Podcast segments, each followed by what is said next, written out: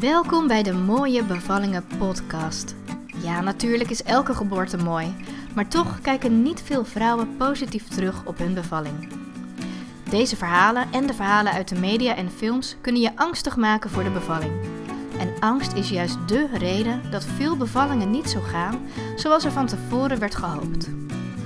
Met deze podcast kun je je heerlijk baden in verhalen van vrouwen die wel positief op hun bevalling terugkijken.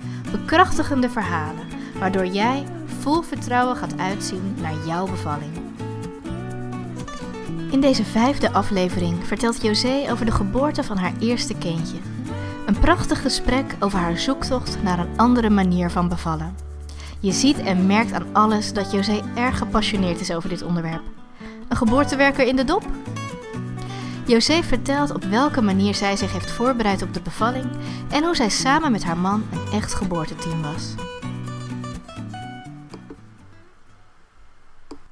Welkom José bij uh, deze mooie bevallingen podcast. En, uh, Dankjewel. Zou je je eens willen voorstellen en uh, wat je doet in het dagelijks leven en hoeveelste kindje je hebt gekregen? Dat wil ik. Um, ik ben José en ik ben inmiddels 31 jaar. En um, onze dochter Elena is nu een jaar en bijna drie maanden oud. Dus uh, de bevalling is ook alweer zo'n tijdje geleden. Um, ik werk in het dagelijks leven bij uh, Mayra. Zij zijn een uh, organisatie die bijvoorbeeld rolstoelen en driewielers, voorzieningen in ieder geval levert aan mensen. En dat doe ik nog niet zo heel lang. Dus ik ben ook weer een beetje aan het wennen aan het werkende leven. Want ik vond het leven als uh, nieuwe moeder ook wel aardig uh, heftig. Um, dus ja, ik heb geprobeerd daar mooi de tijd voor te nemen. En nu de balans te vinden in werken en gezin. En in deze gekke tijden ook nog eens eens. Ja. Je wordt nu inderdaad wel extra gedwongen om een gezin te vormen zo deze weken. Ja, ja, nou ja, ik, wat ik zei, uh, ik ben bijna het eerste hele jaar van Elena thuis geweest bij haar.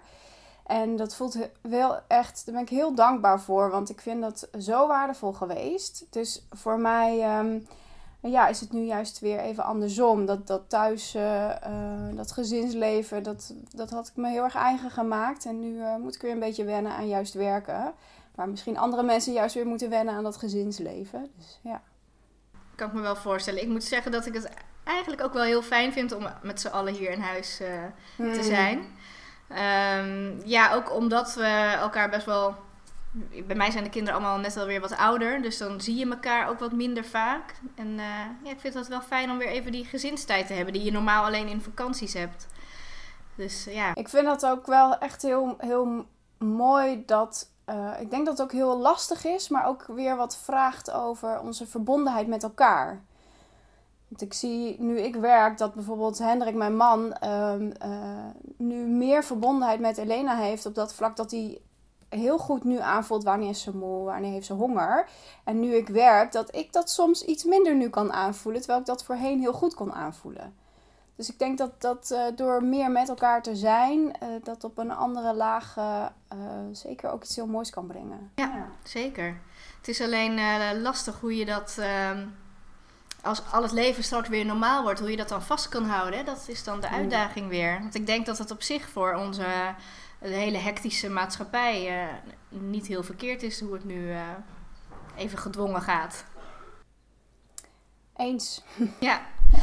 Um, nou, we gaan het natuurlijk hebben over je bevalling. Um, ja. Hoe heb je, even heel globaal, want ik ga zo meteen uh, wat meer vragen daarover stellen. Maar hoe heb je jouw bevalling globaal ervaren? Uh, magisch. Uh, heel mooi. Um, bijzonder. Ja, ja, echt. Ja, magisch is echt wel het, het best omschrijvende woord. Ja, en dan krijg je er altijd een glimlach van als ik eraan terugdenk. Ik zie het, ja. Ja. En ja. Magisch is niet echt een, een uh, woord waar vrouwen normaal gesproken aan denken bij een bevalling. Um, had je dat van tevoren ook bedacht? Dat je dat op die manier zou ervaren? Of was je er een beetje. Ja, hoe keek je daar naartoe, naar die bevalling? Nou, dat is voor mij echt wel een heel proces geweest. Um, ik ben op een gegeven moment, nou je moet je geloof ik, zeggen ze dan voor 16 weken zwangerschap inschrijven bij een kraamzorginstelling. En ehm, nou ja, op dat moment komt er nog best wel veel op je af qua gevoelens. Dus dat heb ik gedaan, zo van wat zit er in de buurt. En uh, toen is op een gegeven moment, ehm, ja, ben ik dat proces ingegaan dat ik steeds meer voelde van alle uh, reguliere dingen, zaken, processen. Ik dacht dat moet anders kunnen. Waarom, waarom, het is zo'n natuurlijk iets. Het is zo oervrouw. Wij doen dit al zoveel duizenden jaren. Um, en voor mij was dat heel erg een struggle, want ik kon niet zo heel goed vinden wat ik zocht. Ondanks dat ik misschien ook niet altijd heel goed wist wat ik zocht. En uiteindelijk kwam ik bij uh, Moeder Aarde en die uh, hadden natuurlijke kraamzorgpakketten. Nou, en toen dacht ik, zie je wel, het is er wel. En toen is het balletje gaan rollen. En kwam ik via dat pakket bijvoorbeeld in aanraking met het Kindmagazine. Um, en kwam ik uh, in aanraking met andere websites waarop ik weer tips las. En dus ik ben me als een soort strijdlustige oervrouw daarin vast gaan bijten. Want ik, ik dacht, ja, ik wil niet die oxytocine prik zomaar in mijn been als mijn kindje net geboren is. Mijn lichaam is ervoor gemaakt om ervoor te zorgen dat die placenta vanzelf komt. Waarom moet daar direct in, uh, in gehandeld worden? Waarom kan er niet meer vertrouwen zijn in het lijf van de vrouw en in uh, wat de vrouw zelf daarin voelt. Nou ja, die hele passie, die, die voel ik nu nog steeds daarvoor. En um, ja, ik kan, ik kan er heel lang over, over praten en van alles zeggen. Maar ja, het is in ieder geval daar al begonnen met een heel proces met op zoek naar wat voelt goed voor mij. En um, was dat iets, deze, deze overtuiging eigenlijk, wat voordat je zwanger was um, ook al in jouw leven aanwezig was? Want voor mij is dat persoonlijk ook een zoektocht geweest. En dat gaat stapje voor stapje. Bij mij kwam dat eigenlijk pas bij mijn derde zwangerschap. Uh, en daarvoor um, uh, ja, had ik daar eigenlijk helemaal niks mee, inderdaad. Met uh, ja, wat je net ook al noemde, het vrouwenwerk en een beetje die wereld. Ja, dat is voor mij allemaal nieuw en dat, daar groei je soort van langzaam in. Of was dat iets waar jij ook al in bivakkeerde in die Nee, qua zwangerschap en geboorte en kinderen krijgen absoluut niet. Um, ik was al wel eerder dat ik af en toe naar een rode tent ging. Ik weet niet of je dat kent, maar die zitten door heel Nederland. En dat is vaak één keer in de maand, bij een nieuwe maan of bij volle maan, dat vrouwen samen kunnen komen. En dat je gewoon kan zijn.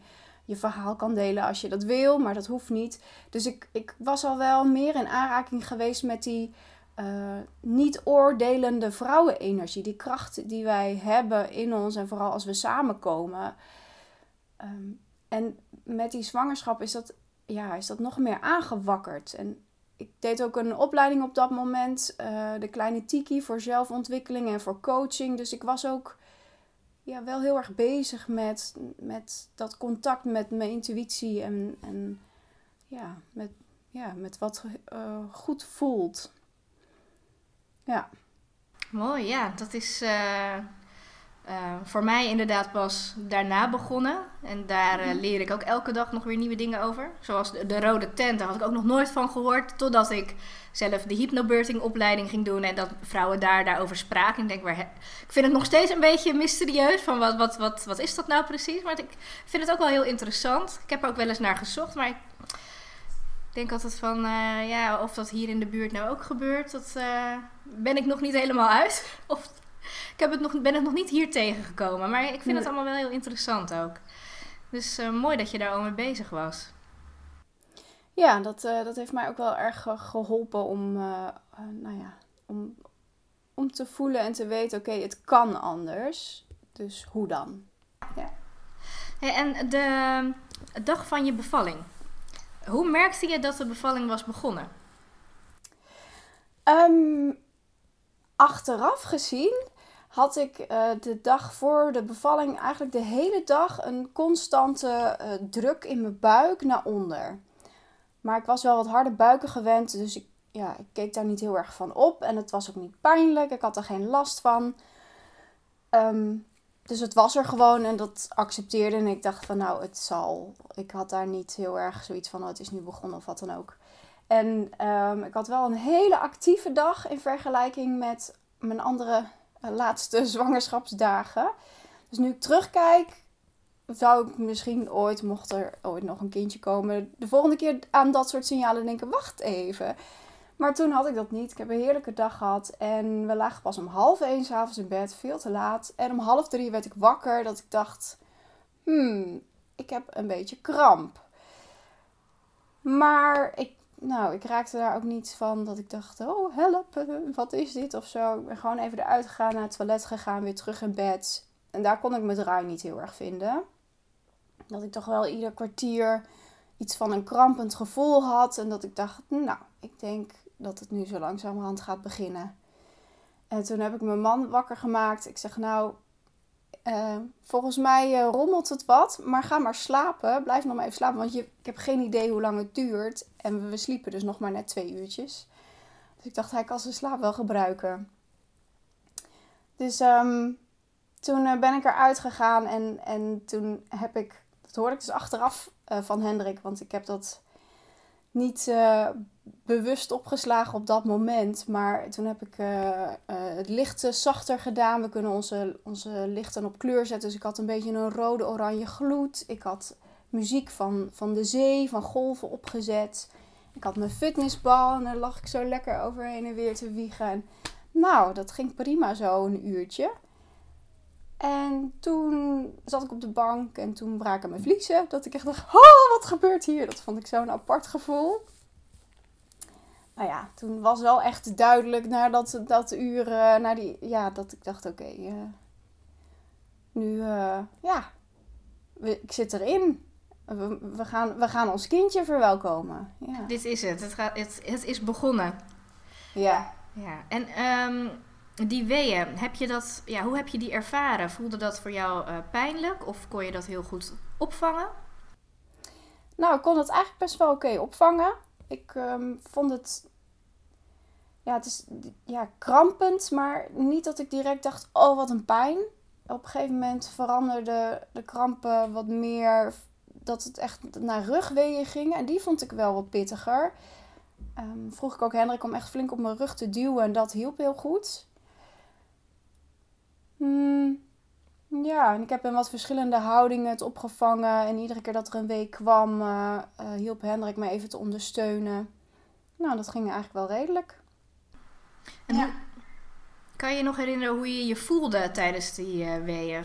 Echt van binnen. Dus was je onrustig of was je helemaal in controle?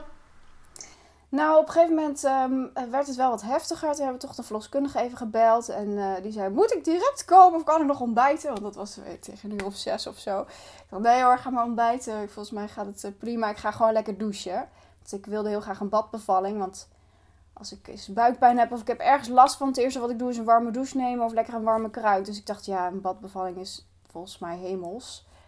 Um, dus ik ben onder de douche gegaan en dat maakte heel erg het geluid van de douche. Ik, kon zitten op een douchekruk en ik had een straal op mijn rug en een straal op mijn buik. En um, uh, daarin kon ik heel erg in mijn eigen flow komen. En um, met uh, ademen, maar ik uh, gaf ook vaak geluid aan de wee door te hmm of, of in ieder geval dat geluid. Nou, en dan zakt het weer wat af en dan weer bewust mijn schouders naar beneden. Dus ik zat heel erg zelf in die flow, waarin ik het eigenlijk heel goed, ja, ja kon, kon, mee kon gaan of zo. Ik zat gewoon heel erg in het moment. En dat, was, ja, dat ging super. Dus je was wel constant bewust van dat je je soort van moest ontspannen. Hè? Dat je zegt, mijn schouders moesten weer even zakken.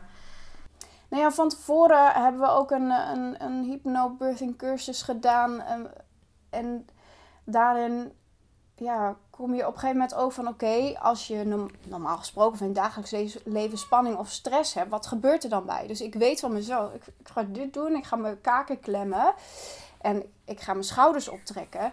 Dus ja, dan in die tijd voor de bevalling was ik daar al mee bezig van oké, hoe, hoe help ik mijn lijf alweer om wat te ontspannen? En het is niet zo dat ik dat op dat moment super bewust dacht.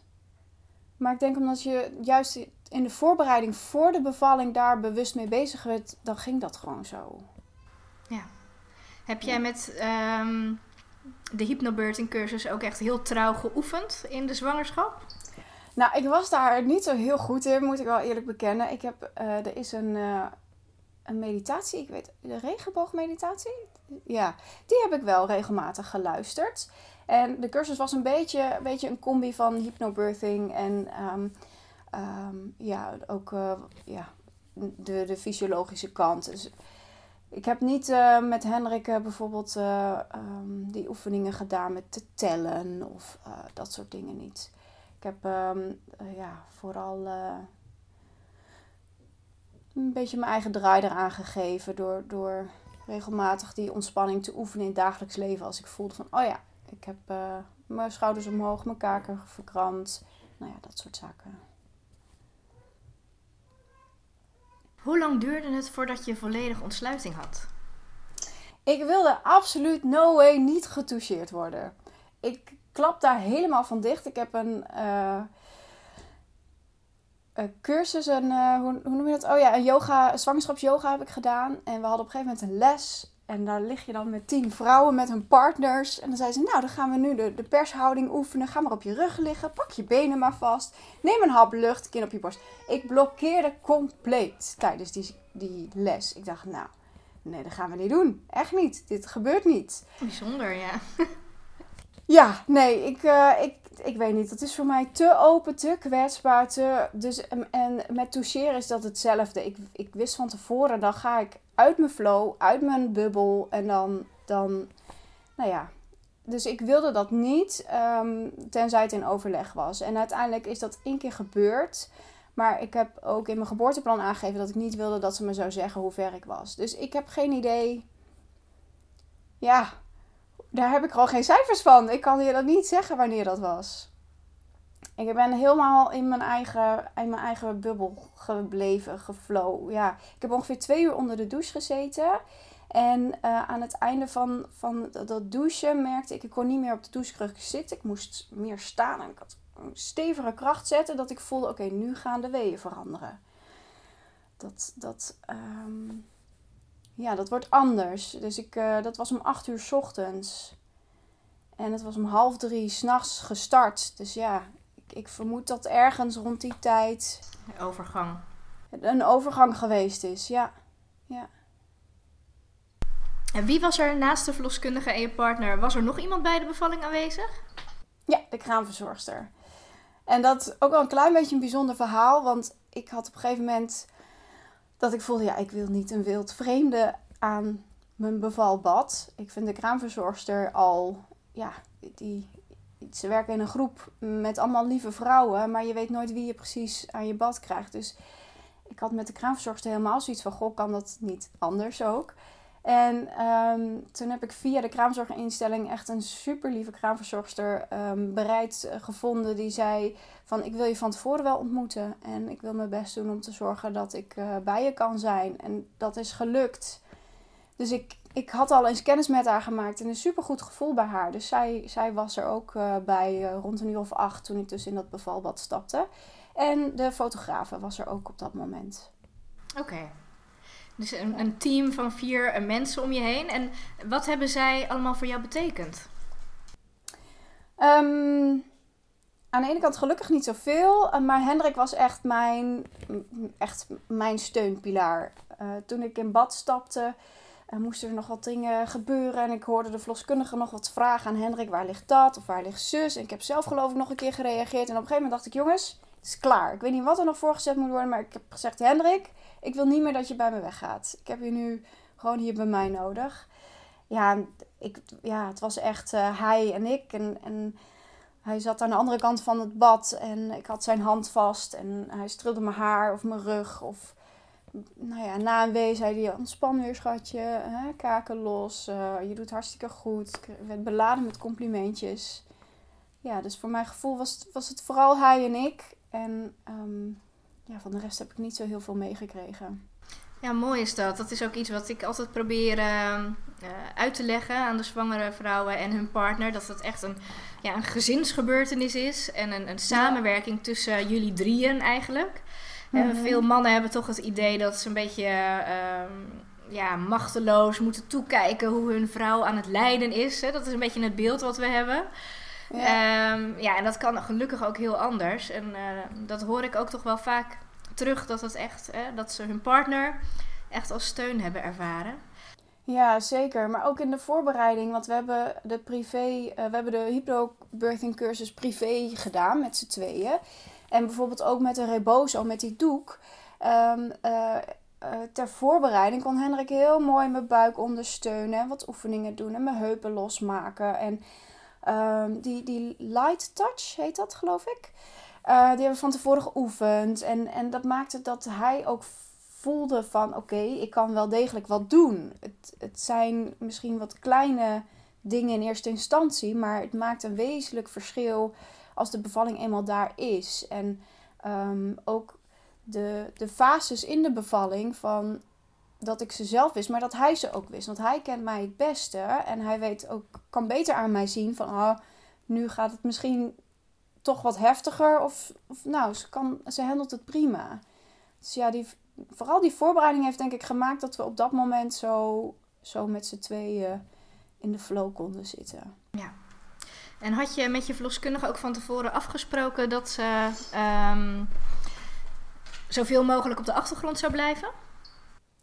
Ik um, geloof dat je normaal gesproken je geboorteplan met 36 weken of zo door gaat nemen, 35 weken ik heb rond uh, eh, 30 weken geloof ik al aan de bel getrokken. Zo van jongens, ik wil heel graag wat dingen bespreken. Want uh, nou ja, ik, uh, ik vind het fijn om het gevoel te hebben dat jullie goed weten wat voor mij belangrijk is. En dat ik weet wat ik aan jullie heb.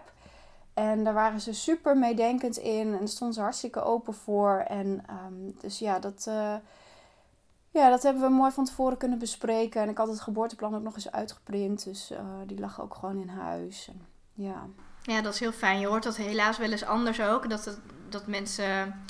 Uh, dat hun geboorteplan niet geaccepteerd wordt. heb ik ook wel eens mm teruggehoord. Maar het is fijn als je een zorgverlener hebt die gewoon goed met je meedenkt. Had je jouw verloskundige daar ook al een beetje op uitgekozen? Dat je al wist dat zij die visie hadden? Of was dat gewoon een, uh, een fijne nee, praktijk? Ja, nee, helemaal niet. Wat ik zei in het begin, dan weet je net dat je zwanger bent en je gaat eens kijken wat zit er in de buurt. Nou, ik meld me daar maar aan. En ondanks dat ik, het, ehm, eh, dat ik een fijne begeleiding gehad heb, zou ik het wellicht een volgende keer toch op zoek gaan naar een uh, verloskundige die nog weer wat meer ehm, bij mij past.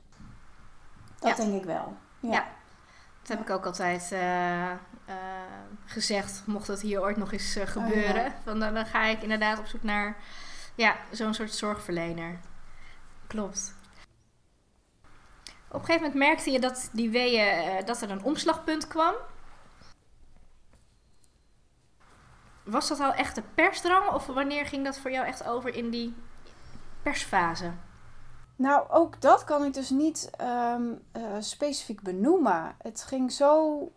Ja, nou klinkt het misschien allemaal wel uber perfect of zo. En, maar het, het ging gewoon heel geleidelijk. En ik um, heb op een gegeven moment want ik hing dus het liefst zo over de badrand, zat ik op mijn knieën. En toen voelde ik de, de, de druk op mijn onderrug wel echt, uh, echt fors toenemen. En toen ben ik intuïtief op mijn rug gedraaid. Heb ik even als een soort van godin in dat bad even een momentje rust gehad.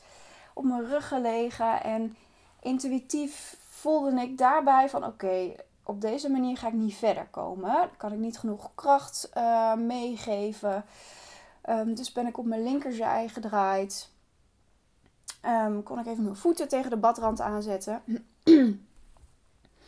heb ik daar nog een aantal weeën op die manier gedaan. En toen ben ik weer omgedraaid op mijn knieën. Achteraf hoorde ik van de kraamverzorgster dat ze zei van, uh, dat ze het erg mooi vond om dat te zien. Want ze zegt, meestal hoor ik dat van de verloskundige, dat die dat mondeling zo begeleidt. Zo van, hè, als het op een gegeven moment niet weet ik veel, even niet lukt. Of wat dan ook, ga op de linkerzij liggen. Of... Dus ja, dat ging eigenlijk, denk ik, dan maar in contact met Elena of zo. Op een, ja, op een energetische manier. Ik weet niet. Maar dat ging heel, heel natuurlijk. En daarna was ook, um, moet ik even denken. Ja, ik heb van tevoren gezegd, ik wil niet kijken met een spiegeltje of zo. Maar ik wil wel proberen om te voelen. En omdat ik ook niet getoucheerd wilde worden, had ik op een gegeven moment zelf ook heel sterk de drang van: oké, ik wil weten waar ik ben, hoe ver ik ben. Ehm, dus toen heb ik mijn hand naar beneden gebracht. En ehm, dat was voor mij. Uh, je zit de hele tijd in een, in een flow en uh, je bent daarmee bezig. Maar dat maakte ook even dat ik kon zakken, kon aarden en dacht: oké, hier ben ik. Dit gaat goed. Hier, oké. Ehm, en het gaf ook weer even een boost. Zo van, we zijn bij het laatste gedeelte. Ik voelde iedere keer haar, haar hoofdje al een beetje uh, het opbollen. En uh, dat ik dacht, uh, ja, we gaan nu de goede kant op of zo. Dat was super bekrachtigend. Dat was echt... Ja. ja. Mooi is dat. Ja, dat is ook altijd iets wat ik uitleg aan de vrouwen. Uh, dat dat instinct, dat, dat hebben wij ook gewoon. Dat dierlijke instinct eigenlijk, dat is ook in ons aanwezig. Maar ja, wij zijn natuurlijk dat contact met onze intuïtie en ons instinct best wel verloren in ons mens zijn. Met onze hersenen die alles willen controleren. Ik haal dan altijd het voorbeeld aan van, uh, van mijn honden, want wij, wij fokken ook met honden. Ja, zo'n bevalling bij zo'n uh, hond is echt ook super interessant om te zien ja, hoe dat lijf dat gewoon helemaal vanzelf doet. En hoe dan dat pupje geboren wordt nog in het vlieszakje. En die moeder gaat, weet dan gewoon dat ze dat uh, ja, kapot moet maken. En, en dan gaat ze dat opeten. Ja, vervolgens worden die pupjes die zijn blind en doof. En die weten dan instinctief, hè, uh, ook al is de moeder aan de andere kant van de, van de bak, instinctief kunnen ze zo die moeder vinden en hangen ze al aan de tepel. En dat, zit, ja, dat is gewoon zo'n verbinding met elkaar. En dat uh, probeer ik inderdaad ook altijd weer terug te brengen uh, aan de vrouwen. Dat ze weer in contact komen ook met dat instinct. Want dus hoe jij dat beschrijft, hè, je wist precies welke houding je moest aannemen. Uh, ja, dat gaat dan automatisch. Ja, van tevoren had ik dat echt niet. Um niet gedacht. En ik had ook wel wat angst. En ik vond het ook allemaal spannend. En je weet niet wat je te wachten staat. En dat maakte denk ik ook dat ik zo strijdvaardig werd in. Oké, ik ga vrije geboorte lezen. Ik ga het boek positief over bevallen lezen. Ik wil weten wat ik allemaal kan doen. Ik wil weten welke fases er zijn in de bevalling. Zodat dat geïntegreerd werd in mijn lijf. En ik daarmee mijn, um, de onzekerheden in mijn hoofd als het ware kon ombuigen naar vertrouwen. Want ik weet wat er gaat komen eh, op papier. Kijk, ik heb het nog niet ervaren, maar ik kan daar houvast aan hebben. Ik heb allerlei verschillende tools en methoden die mij zouden kunnen helpen op dat moment. Eh, die kunnen we inzetten. Ik kan zorgen dat ik, dat ik dat om me heen heb. Ik kan zorgen dat Hendrik dat weet. En dat maakte dat ik op een gegeven moment dus in dat vertrouwen kon zakken. En dus veel meer inderdaad op dat instinct, op die intuïtie kon varen omdat ik er van tevoren alles aan gedaan had voor mijzelf. Om mijn hoofd en het piekeren en die gedachten en die angst en die onzekerheid eh, tot bedaren te brengen. Ja, mooi. Ja. Toen je babytje geboren werd, zat je toen op je handen en knieën? Ik uh, hing nog met één arm over de leuning en de andere voelde ik dus uh, haar hoofdje geboren worden. En uh, ik zei ook heel rustig tegen Hendrik Liefje, het hoofdje is geboren. en toen hoorde ik soort van achter me, huh? Met de verloskundige en de kraamverzorgster. Zo van, oké. Ehm, nou, toen hoorde ik de verloskundige zeggen van, nou, dan, als je dat fijn vindt, kan je een beetje rechtop komen, op je knieën zitten. En dan, uh, nou ja, kan je wachten op de volgende wee en dan kunnen de schoudertjes geboren worden. En dat gebeurde ook zo. En uh, voor mijn gevoel zaten de voetjes nog soort van vast. Dus heb ik nog maar even op een volgende wee gewacht totdat ook de voetjes er waren. En um, ik had van tevoren op Instagram heel veel waterbevallingen gezien, bekeken. Uh, echt, uh, als je eenmaal de juiste hashtags hebt, dan uh, nou ja, kom je een heel eind met bekrachtigende filmpjes en verhalen ook om te zien. En wat ik altijd heel mooi vond, is de sereniteit ook daarna. Dus ik wilde graag heel rustig Elena boven het water brengen. Niet dat je ineens, wop, ja, nee, want ja, het is al zo'n overgang voor zo'n kindje. Dat is natuurlijk super heftig ook. Dus ik wilde dat heel rustig en, en zachtjes. En Hendrik hield me daar heel mooi aan herinneren. Zo van, goh, hè, laat er rustig omhoog komen. Dus ik had haar vast en hij van de andere kant haar hoofdje vast. Nou, zo mooi boven water. En toen heb ik er in mijn armen gehouden. En ik weet nog dat ik in eerste instantie dacht... Wat is die navelstreng kort? Zo van, ik had bedacht van, oh, dan kan je je kindje lekker zo hierbij houden. Nou, dat ging niet. Dat moest een beetje lager. Ja, en dan heb je echt even zo'n moment van... Ik kijk steeds naar beneden alsof ze net geboren is en hier ligt. Maar zo'n moment van verwondering en, en surrealiteit. En oh, ja, ontlading. Ja, en jij had een geboortefotograaf aanwezig. Dus jij kan die momenten eigenlijk elke keer weer herbeleven. Ja, ja ik, uh, ik, dat is ook heel bijzonder. Want nu zie ik op foto's momenten terug die ik me echt niet kan herinneren. Um, uh, en ik ben ook echt super blij dat zij erbij was. Want het is zo fijn om.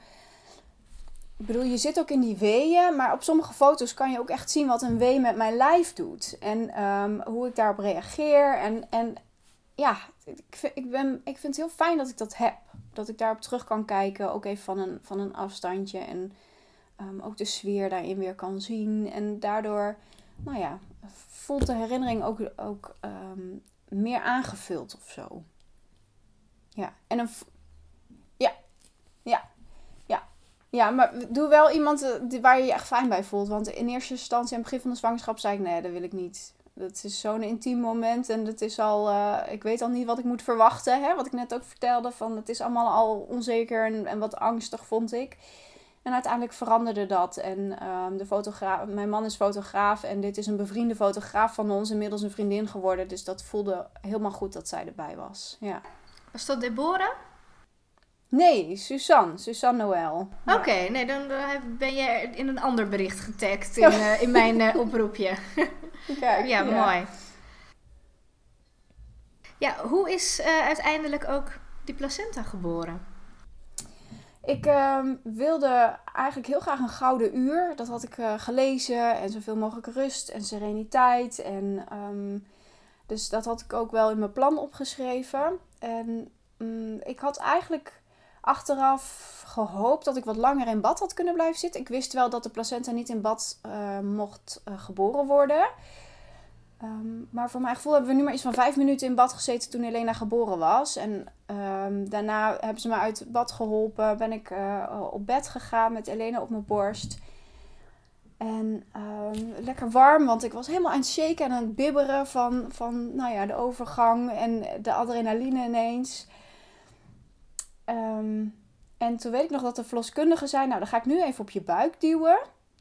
En dat echt alle alarmbellen in mijn hoofd afgingen. En dat ik dus direct ook als het ware uit die flow, uit mijn lijf, maar in mijn hoofd kwam. Zo van, stop, ho, volgens mij hebben we afgesproken dat ik heel natuurlijk de placenta geboren wil laten worden. En dat we gewoon kunnen wachten op een wee. Dus ik heb ook gezegd, van, volgens mij kunnen we wachten op een wee, toch?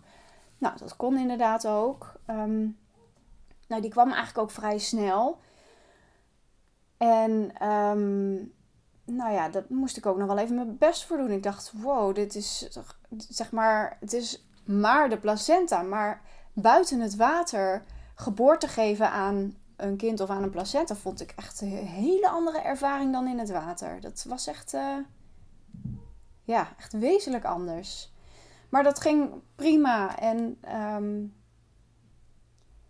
uh, ze hebben toen ook even laten zien, de vliezen en, en waar ze in gezeten had. En Um, ook uh, nadat de placenta geboren was, uh, is die nog echt, ik denk wel een paar uren um, hè, als een lotusgeboorte vastgebleven aan Helena. Ja. Dus het heeft goed mooi kunnen uitkloppen. En jullie ja. hebben daarna wel afgenaveld. Ja. Je hebt niet voor de hele lotus ge gekozen, zoals je dat nee. dan ook... Nee, een halve lotusgeboorte, ja. ja. Ja, ik uh, had daar bijvoorbeeld ook nog nooit van gehoord voordat ik ook de hypnobirthing opleiding deed. Ik had het over lood. Ik waar hebben ze het in godsnaam over? Maar ik vind het wel echt ook een heel mooie, uh, mooie manier om uh, ja, kind en placenta van elkaar te, te scheiden uiteindelijk. het lijkt me wel een praktisch, als, echt, als je een hele lotus doet, lijkt het me wel praktisch een uitdaging.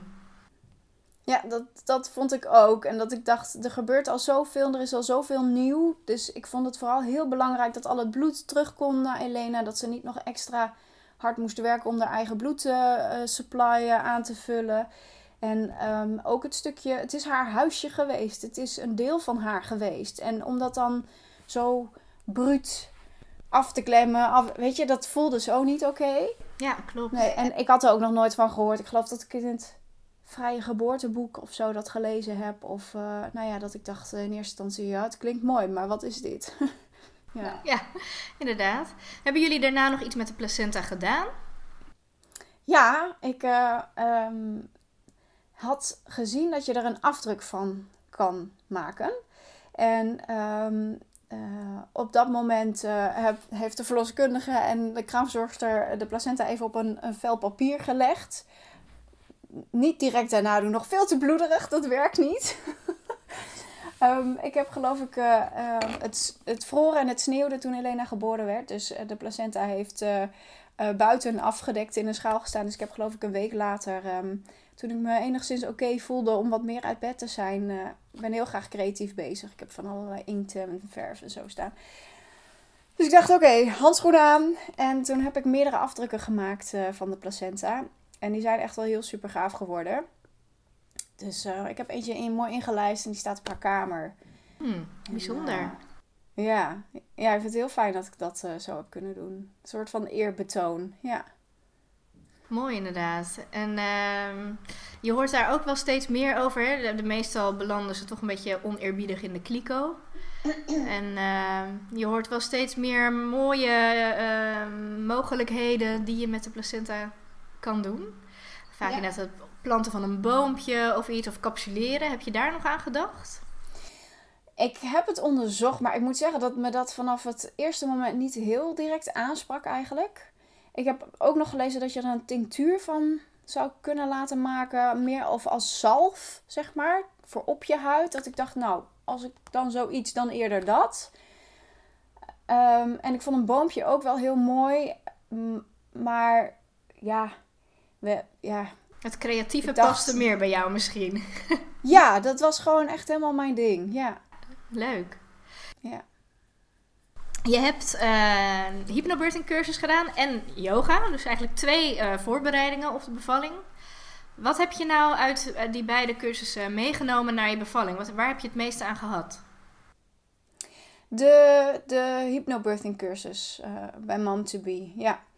Ja, vooral omdat we die ook, Hendrik en ik deden dat samen. Het was ook even een momentje voor onszelf. We gingen echt naar haar toe. En Mirjam was echt heel ja, er stonden lekker koekjes en fruit. En, en we liepen altijd uit. Uh, en ze was heel zorgvuldig en heel bereid om, om ook al onze vragen, vooral, vooral mijn vragen. Op een gegeven moment, na anderhalf uur, had Hendrik wel zoiets van: Nou, ik weet het wel. uh, ja, daar heb ik vooral heel veel aan gehad. Ja, en ik denk wat me het meeste geholpen heeft uiteindelijk is. Ik weet niet of dat specifiek uit de hypnobirthing komt of, of dat zij daar haar eigen draai aangegeven had, maar echt een overzicht van een soort van vier fases. Um, van de bevalling en de geboorte, maar ook um, hoe je dat kan zien aan bijvoorbeeld je vrouw. Wat, voor gedrag, wat voor gedrag, wat voor tekenen hoort daarbij, wat gebeurt er in je lijf.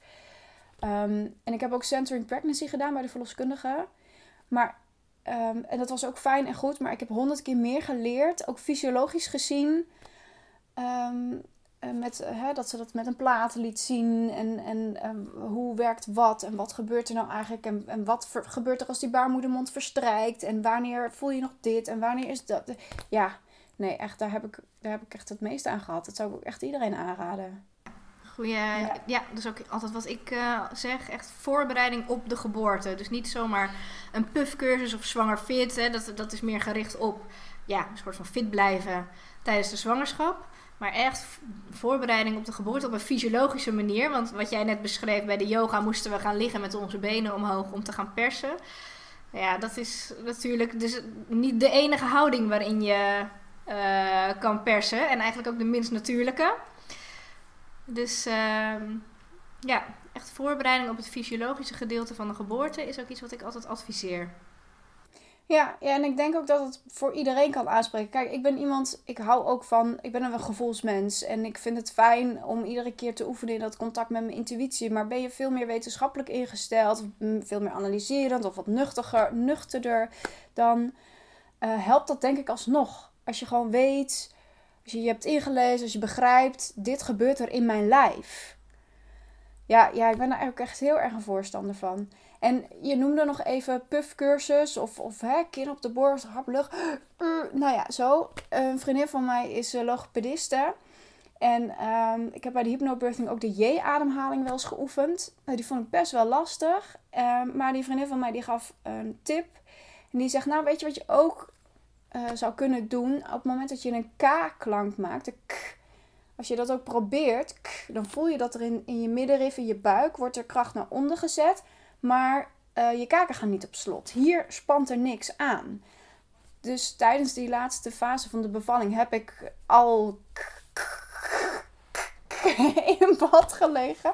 Het alleen maar die kaaklak, dat was echt voor mij de, uh, de manier om met mijn ademhaling en te persen. En, en ja, dat, uh, dat vind ik echt een gouden tip. Ja, wat een goede inderdaad. Nou, dat is eigenlijk ook altijd mijn afsluitende vraag. Wat is jouw ultieme tip voor aanstaande mama's? Ik hoorde die in de je vorige podcast, dus ik had al even uh, een lijstje gemaakt. Kijk, meerdere tips. Nou ja, ik heb er. Ik, dat valt een beetje samen. Inderdaad, die K-klank. En uh, um, daarnaast, ik heb ooit eens gehoord: een open mond is een open vagina. En het klinkt misschien een beetje gek, maar dat is zo waar. Want ik heb op een gegeven moment onder de douche uh, ben ik gaan zingen, omdat het me even wat te heftig werd. En ik, hè, zodra je, je je stem, je keel openmaakt, je kaken openmaakt, dan komt er hier lucht, dan komt er hier vrijheid, dan komt ja, wordt het open. En dat staat in verbinding met elkaar. Dus um, ja, dat, dat was echt wel een beetje ook ons, ons motto of zo. En, en dat werkt, het werkt serieus. Dus dat vind ik wel echt, um, echt een hele goede tip. En um, nou, dat voorbereiden op de fysiologische fases. En um, wat bij mij ook nog hielp, is om gewoon uit te spreken uh, wat er in je leeft. Gooi het maar de wereld in. Op een gegeven moment had ik wel een aantal weeën dat ik... Ik heb daarna gezegd, oh, deze waren heftig. En daarna was het ook weer weg. Gewoon door even te benoemen. Ik had op een gegeven moment een golf dat ik dacht, oh, ik voel me even heel misselijk. Op het moment dat ik het al uitgesproken, was het weg. Dus daar, um, dan blijft het niet in je lijf. Je gaat er niet tegen vechten. Je benoemt het. En daarmee accepteer je het. En dan kan je het weer loslaten. Klopt. Ja, dat is ook dus... een mooie tip. Ja, dankjewel. Uh, volgens mij heb ik al mijn vragen die ik wil stellen gesteld. Heb je zelf nog iets wat je, wat je nog meer kwijt wil? Nou, ik, ik vind het vooral heel erg tof dat je dit doet. Want ik denk dat, uh, dat de wereld uh, echt duizend en één meer mooie bevallingsverhalen mag meekrijgen. Want uh, in de media en in films, en je ziet altijd hetzelfde beeld van inderdaad kind op de borst, krijzende vrouwen. Nou, het, het kan echt zo anders. En er wordt een soort van angst, ja, die, die zit erin. Het beeld wat men van bevallen heeft is gewoon niet gebaseerd op hoe het kan of hoe het vaak gaat. En ja, de verhalen zijn ook allemaal zo verschillend. Maar er zijn ook heel veel positieve, mooie verhalen of stukken in bevallingen. Hè. Er kunnen ook minder mooie stukken zijn in de bevalling. Maar het is niet altijd alleen maar kommer en kwel. Dus dank je wel. Ik ben het er helemaal mee eens, inderdaad. Het, zo heb, heb, ik het zelf ook ervaren dat het een hele mooie gebeurtenis is. En uh, uh, zo, daar ben ik niet mee opgegroeid met dat beeld. Ik kreeg ook altijd te horen, hè, dat is het heftigste wat er is. Uh, maar zo heb ik dat helemaal niet ervaren. En dat is ook iets wat ik graag aan andere vrouwen wil vertellen, dat het ook heel anders kan. Mm. Dus heel fijn dat ja, jij, maar ook de andere vrouwen van wie ik reacties heb gehad, hun verhaal willen delen. Dus daar wil ik je voor bedanken. Ik vond het een heel mooi gesprek. Heel mooi hoe jij je daar allemaal op hebt voorbereid en hoe je erin staat. Ik denk dat dat voor heel veel vrouwen een, ja, weer een inspiratie is om ook op een andere manier naar de geboorte te kijken. Nou, heel graag gedaan. En als ik ergens ook maar iets, een klein beetje kan inspireren, dat is alleen maar fijn. Ja, zeker. Dankjewel. Bedankt voor het luisteren naar de Mooie Bevallingen podcast. Kijk voor nieuws en tips op mijn Instagram, Esther Koppelaar Geboortecoach of Elements of Birth. En wil jij ook zo'n mooie bevalling beleven? Neem dan eens een kijkje op www.elementsofbird.nl